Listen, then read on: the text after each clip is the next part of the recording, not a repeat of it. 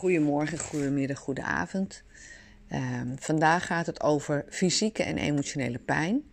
Wat heeft nou eigenlijk fysiek met emotionele pijn te maken? Ik uh, stem altijd voor ik wat ga doen af op de luisteraar. En vandaag gaat het over de borst. Mannelijke borst en de vrouwelijke borst. En ik dacht van, hé, hey, waarom heb ik daar nou intuïtief op afgestemd? Ja, wat kunnen we over de borst nou vertellen? En... Uh, even uh, waarom ik op dat idee ben gekomen om dit als onderwerp te nemen. Ik heb vandaag een uh, persoon die binnenkomt op medische, zeg maar, uh, met een medische klacht. En die dacht van, hé, hey, misschien is dat wel een emotionele component. En dan ging het bijvoorbeeld over de heup. En dan is dat inderdaad, de heup geeft aan, het lichaam geeft altijd aan waar wij eigenlijk, hè, wat fysiek manifesteert, is eigenlijk al emotioneel, heeft dat al plaatsgevonden. En daar hameren we altijd heel vaak op. Vaak als ik zelf ook iets heb, dan denk ik: wat is op dit moment fout of wat is wat ik mag leren? Wat geeft mijn lichaam nou eigenlijk aan? En dan klopt het altijd. Het is echt mega interessant. Maar goed, dan gaan we natuurlijk het weghalen via uh, de NLP en het uh, neuro-emotionele integratie, eenmaal pincode, vitamines en alles. Uh, via de kinesiologie gaan we natuurlijk eerst kijken wat nou de grondoorzaak is en waar we mee mogen beginnen. En uh, heel vaak is het zo, als ik iemand met bijvoorbeeld een heupklacht uh, binnengekregen heb waar uitkwam, dat er bijvoorbeeld een detox nodig was, of dat er zware metalen rondom het gewricht zaten, of, of het kunnen ook siliconen zijn. En dat kan zijn vanuit de voeding, vanuit een borst, of hè, via een implantaat of iets anders. En dan gaan we dat eerst weghalen via bepaalde medicamenten, homeopathie. En zodat het lichaam het zelf op kan ruimen als het op te ruimen nog is. Nou, in ieder geval verhelp ik daar uh, heel veel uh, uh, ziektebeelden mee. En heel vaak is het zo dat mensen in die maand dat ze bij me komen al veel sneller en beter kunnen lopen. Dus dan zie je ook iemand niet meer mank lopen. Maar goed, waarom loop je mank? Maar goed, die patiënt heb ik geholpen. Die gaat weer als een hert door het bos. Lekker draven. maar draven, het woord zegt al, hij draaft soms door. En uh, wij uh, gaan uh, nu eigenlijk het wat afstemmen op wat is nou echt zijn echte looppad en wat is zijn doel. En kunnen wat rustiger kijken wat nou echt nodig is in plaats van door te draven. Want dat is ook vaak de betekenis van de heup. Ik ga random wat over de borst vertellen, want ik moet vandaag met jullie hebben over de borst. Nou, de borst is dus een orgaan. dat is namelijk een heel centraal gebied in het bovenlichaam. He, uh, het, is, het is een hele belangrijke bergruimte van heel veel vitale organen. En die zitten de longen in, uh, in verband met communicatie, er zit het hart in, uh, het energetische centrum. Dat zit allemaal veilig in de borstholte opgeborgen. En de ribben die beschermen, hè, dus de bevestiging van de ribben aan de wervelkolom, het elastische kraakbeen met het borstbeen maken dat je bewegelijk bent, maar dat het toch bescherming geeft. Het is eigenlijk de burg. De ribben zijn de burcht. Dus als je ribben breekt, dan kan je ook denken van wauw, wat moet er met mij gebeuren? En daar ga ik ook nog wat uh, over vertellen.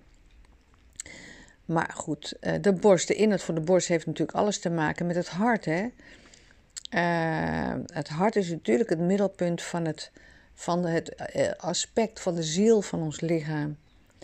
En de longen zijn natuurlijk onze communicatieorgaan. En uh, ja, communicatie is natuurlijk echt van wezenlijk belang.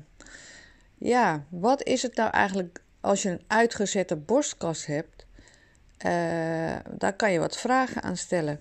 Als je een hoge borst opzet en diep inademt, en eigenlijk om je adem dan in te houden, dan krijgen we eigenlijk, eigenlijk dan representeert dat een opgeblazen starre toestand. Ik heb als mensen die net in de NLP-trainingen binnenkwamen, of uh, eh, NLP-trainer wilde worden. En die, die zijn die houding aan gaan nemen. Dus eh, eigenlijk in je fake it until you make it uh, modus. En dat is eigenlijk helemaal niet goed voor je, voor je rust. En wat is goed, wat is niet goed. Hè? Ik zeg altijd, we zijn goed zoals we zijn. Maar het is minder goed voor je, voor je onderbewustzijn en voor je fysieke staat natuurlijk. En um, wat gebeurt er als je dus die, die opgeblazenheid dominant wordt, uh, de circulatie die gaat eigenlijk niet meer goed stromen. Hè? Dus uh, dat gaat ten koste van je onderlichaam. Dus als jij op die manier in, met, met, met, een hoge borst inzet, hè, dan, ja, dan gaat er natuurlijk ook wat anders gebeuren in het lichaam. En dat spiegelt natuurlijk jouw geesteshouding af. Uh, dus eigenlijk wil je uitstralen, ik ben superieur. Hè? Zoals een soldaat, het leger, in het leger, als die uh, een, een, een, andere macht tegemoet wil treden, is dat wat je moet gaan doen om de overwinning te behalen. Maar als het dan blijvende staat is van jou, hè, dat je de superioriteitsgevoel uh, om de wereld te beheersen, is dat geen natuurlijke houding. Dat gaat altijd ten koste van iets. Want je doet je eigenlijk sterker voor. Hè? Je gaat het volle borst iets verkondigen. Dus is onnatuurlijk. En uh, daar is vaak een uh, lomemfyseem of een problematiek aan verbonden. En geen flexibiliteit is er meer mogelijk. En het is ook niet meer zo goed toegankelijk voor de zuurstof en de levensenergie. Dus eigenlijk verdroog je dan van binnen. Ja, je gevoel wordt onderdrukt. En we noemen dat zo'n uh, ton thorax. Uh, dat is eigenlijk een longemfyseem met een ton thorax. Dat is eigenlijk de benaming. En dat heeft dus te maken dat die starheid die energie afkapt eigenlijk. En ja, het, hier wordt eigenlijk een soort aan de buitenkant zo'n indrukwekkende borstgewelf dat is eigenlijk een graftormen voor alle gevoelens van tederheid en liefde wordt dan eigenlijk afgesloten. Je bent alleen maar bezig met de buitenwereld. ze, ze, huilen eigenlijk nooit, ze zijn nooit zwak. Het is echt een, een, een eigenlijk een, een, model van een soldaat. En uh, ze zijn eigenlijk altijd bezig om, uh, om die dominantie na te streven. ook uh, uh, hoge bloeddruk komt daar vaak bij te kijken. Klachten, astma, longemfyseem. En, en al die klachten lijken daar mee te maken. Dus eigenlijk jezelf te veel opblazen, te veel afsluiten. Alleen aan de, in de bovenkant van de borstkas de energie houden. Alles afsluiten. En uh, ja, wat kan daar ook door ontstaan? Dat, dat kan dus angina pectoris of een hartinfarct hartinfarct, uh, hartinfarct door ontstaan. En ja, zo zijn er nog heel veel verschillende dingen wat met de borstkas te maken heeft. Hè? Versmalde borstkas heeft ook nog een, een, een, een emotioneel patroon. Hè? Je een grijze muis voelen, minder waardig voelen. Je gaat jezelf helemaal klein maken. Uh, levensmoe. Uh, ja, uh, eigenlijk de borstkas die eigenlijk zou willen overstromen gevoelens van emotie. En hij is klein en leeg en afgesloten. En in plaats daarvan kan hij groots gedachten of fantasie over macht wel in zijn hoofd hebben. Hè? Dat betekent wel dat je, dat je eigenlijk je niet zo voelt, maar dat je het eigenlijk wel zou willen. Maar ze is dus ook afgesloten. Dus een smalle, te smal en te grote borstkas. Hè? Jezelf eigenlijk dat dat niet toestaan. En uh, de opgeblazen die bouwt dus een vesting voor zichzelf. En, uh, en eigenlijk die andere probeert zichzelf veilig te stellen, te camoufleren. Dat zie je ook aan de manier van bewegen. En ze hebben wel iets met elkaar uh, te menen. Ze hebben eigenlijk uh, alle twee een minderwaardigheidsgevoel.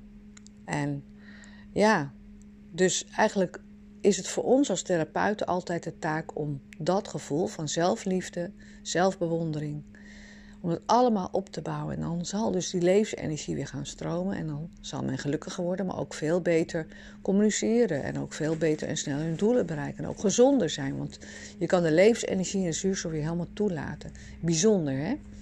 Nou, dit doe ik natuurlijk al 26 jaar. En uh, welke ziektebeelden kunnen we nog veel meer bespreken? Je zou bijvoorbeeld het kunnen hebben over ribbreuken. een ribbreuk is een, uh, ja, is, uh, belachelijk als je denkt van dat het er ook nog te maken mee hebben. Uh, ja, wat er eigenlijk wordt gezegd is dat de beschrijving van de fysieke situatie is eigenlijk altijd hoe het met je psychische stand van zaken is. Hè? bij een gebroken rib moet de aangewende kracht enorm zijn en onvoorbereid om dus dat te manifesteren. Dus ik kon eigenlijk nooit geloven dat het ongeluk nooit zomaar tot stand kwam. Uh, maar lees de zin, eh, de zin van ziek zijn. Lees dat boek uh, van Ziek zijn en signalen van de ziel. Dan kan je echt enorme mooie, mooie herkenningspunten vinden. Hè? Ehm, wat betreft die rib, het is een poging om een bres te slaan in je bolwerk. Hè? Om openheid af te dwingen. En soms laat je dat ook dan gebeuren. Hè? Uh, betrokkenen moeten nieuwe dingen de kans geven om bij hen in te breken en je moet je leren open te stellen. Wat voor vragen kan je stellen als je bijvoorbeeld uh, vragen hebt over een ribbreuk? Hè? Nou, in welk opzicht heb ik mezelf zo benauwde situatie gemanoeuvreerd dat ik mezelf niet kan keren of wenden en hulpeloos ben overgelegd aan gewelddadige invloed van buitenaf? In hoeverre heb ik het thema uitwisseling verwaarloosd? En wat de borst betreft durf ik thema's van openheid en flexibiliteit weer in mijn leven toe te laten. Nou, zo zijn er een heleboel dingen wat je nog kan bespreken. Hè? Wat de borst betreft en wat, wat bijvoorbeeld snurken betreft kan je vragen stellen. Wat, uh, hoe, hoe kan ik een harmonisch levensritme bijvoorbeeld hebben? En uh, ja, vrouwelijke borst hebben we ook nog heel veel over te vertellen. De, de borst heeft heel veel emotionele patronen, heeft met heel veel emotionele patronen te maken. De borst wordt vaak als erotisch orgaan afgeschilderd. Um, omdat het natuurlijk de herkenning is van de moeder. En uh, ja, de imprinting van de vrouwelijke borst is de vroegste mens buiten de moederschoot. Uh, uh, is, is de eerste imprinting van liefde dat, en, en, voeding en, en, en, en eigenlijk alle levensbehoeften worden vervuld. En uh, voor een vrouw kan het natuurlijk ook zo zijn dat, dat die moederborst helend is. Dat het natuurlijk herinnering is. De eerste herinnering is natuurlijk borstvoeding. Als je borstvoeding gehad hebt. Bij de meesten is dat zo. Um, ja, wat is er heel veel te vertellen over de. Het is eigenlijk veel te veel. Ik zou daar een heel item uit uh, uh, aan kunnen weren. Maar het is eigenlijk altijd te maken. Uh, het is eigenlijk veel te groot. Ja. Sensibiliteit, ehm, moederliefde. Ehm, wat heb jij gevoeld? Wat heb je ervaren? de, je kan het hebben over over, over knobbels in de borst. Hè? Uh, moedelijkheid, het thema moedelijkheid. Wat, wat bijvoorbeeld uh, is, is de indicatie van kiesten in de borsten. Hè? Uh, ben je trouw aan je moedelijkheid? Ben je trouw aan je vrouw zijn? Wat heeft het te maken met vrouwenemancipatie? Dat kunnen we allemaal ontdekken in een sessie. Wat die fysieke klacht nou te maken heeft met jou. De moderne vrouw die moet echt haar mannetje staan. En je moet eigenlijk alles kunnen. En uh, is het jou wel weg, hè? het verlaten of, of het niet vinden van, van jouw eigen weg. Ten aanzien van, van moeder zijn, werk, balans en, en je identiteit. En ja, ten aanzien van moeilijkheid kan bijvoorbeeld zo'n kiezen. Dat uh, kan dan aangeven dat iets groeit, dat plaats in van de echte moederliefde. Want dat heb je dan gemist. Of dat kan je dan niet geven. Uh, soms kan iemand een voorbeeldige moeder zijn. Uh, maar als het moeder zijn niet in haar hart gestreefd, dat het voor zichzelf en de wereld de rol van de moeder speelt, dan is het niet haar weg. En dan is haar eigen ontwikkeling in gevaar. Want wat is moederliefde? Uh, is, is eigenlijk, ja, dat kan je vergelijken met de onvoorwaardelijke hemelse liefde. En als moederliefde uit het hart komt, ja, dan is zij middel tegen alle kwalen. Maar als het imiteert, dan gaan er natuurlijk dingen in het lichaam gebeuren. En dat zijn allemaal dingen, het is allemaal conflict. Kiezen is eigenlijk een conflict vaak. Uh, als deze rol die je speelt niet overeenkomt met je hele diepe innerlijk gekoesterde ideaal, ja, dan zullen er kiestes en cancereuze patronen ontstaan. Dus altijd conflict situaties. En uh, ja, je kan je altijd afvragen, wat heeft het lichaam te vertellen? Hè? Welke rol, in verband met de borst, welke rol speelt de moeder in mijn leven? En, en verwacht jij dat je zal bemoederd? Uh, vind ik het fijn dat anderen mij bemoederen of heb ik daar problemen mee? En hoe, hoe sta ik tegenover mijn eigen moederschap? En welke rol speelt zorgen voor mij? Kan je dat toestaan? En, en zelfstandigheid en emancipatie. Hè? Dat heeft alles met de borst te maken. En, uh, en hoe offensief en demonstratief laat ik mijn borsten zijn? Wat is je droom? En uh, hoe heb ik mijn leven tot nu toe geleid? Dat zijn allemaal hele centrale thema's wat er met de borsten te maken heeft. Nou, uh, food for thought zou ik zeggen. Elke klacht en fysieke klacht, zoals ik met die heup uh, demonstreerde, heeft niet altijd te maken met emotie. In de vorm dat het niet meteen uh, aangepakt wordt hier. We gaan ook altijd het fysieke stuk aanpakken, maar we gaan dan wel ook het emotionele stuk herkaderen en herstellen en bewust maken, zodat dus die klacht niet verder doorgaat. 80% is natuurlijk emotie. Dus ben jij benieuwd wat nou de emotie achter jouw klacht is? En wat jij zou mogen veranderen? En wat mooie inzichten en levenspatronen wat je om zou mogen zetten? Uh, dan kunnen we daar naar kijken. En dat is altijd op maat. Uh, lees het boek uh, Signalen van Ziek en van Rudiker Dalike. Geloof ik als ik het goed zeg. Rudiker Dalke. Ja. Daar zijn natuurlijk random dingen uh, waar je naar kan kijken. En wij kijken echt op maat via het onderbewustzijn met kinesiologie.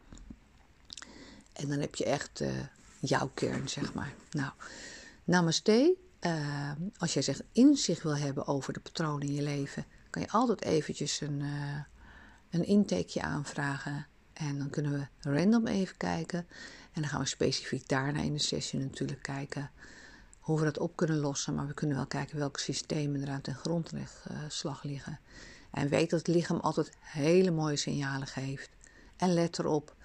En uh, dan kan je nog heel veel dingen aan je emotie, maar ook aan je gezondheid doen. Nou, namaste.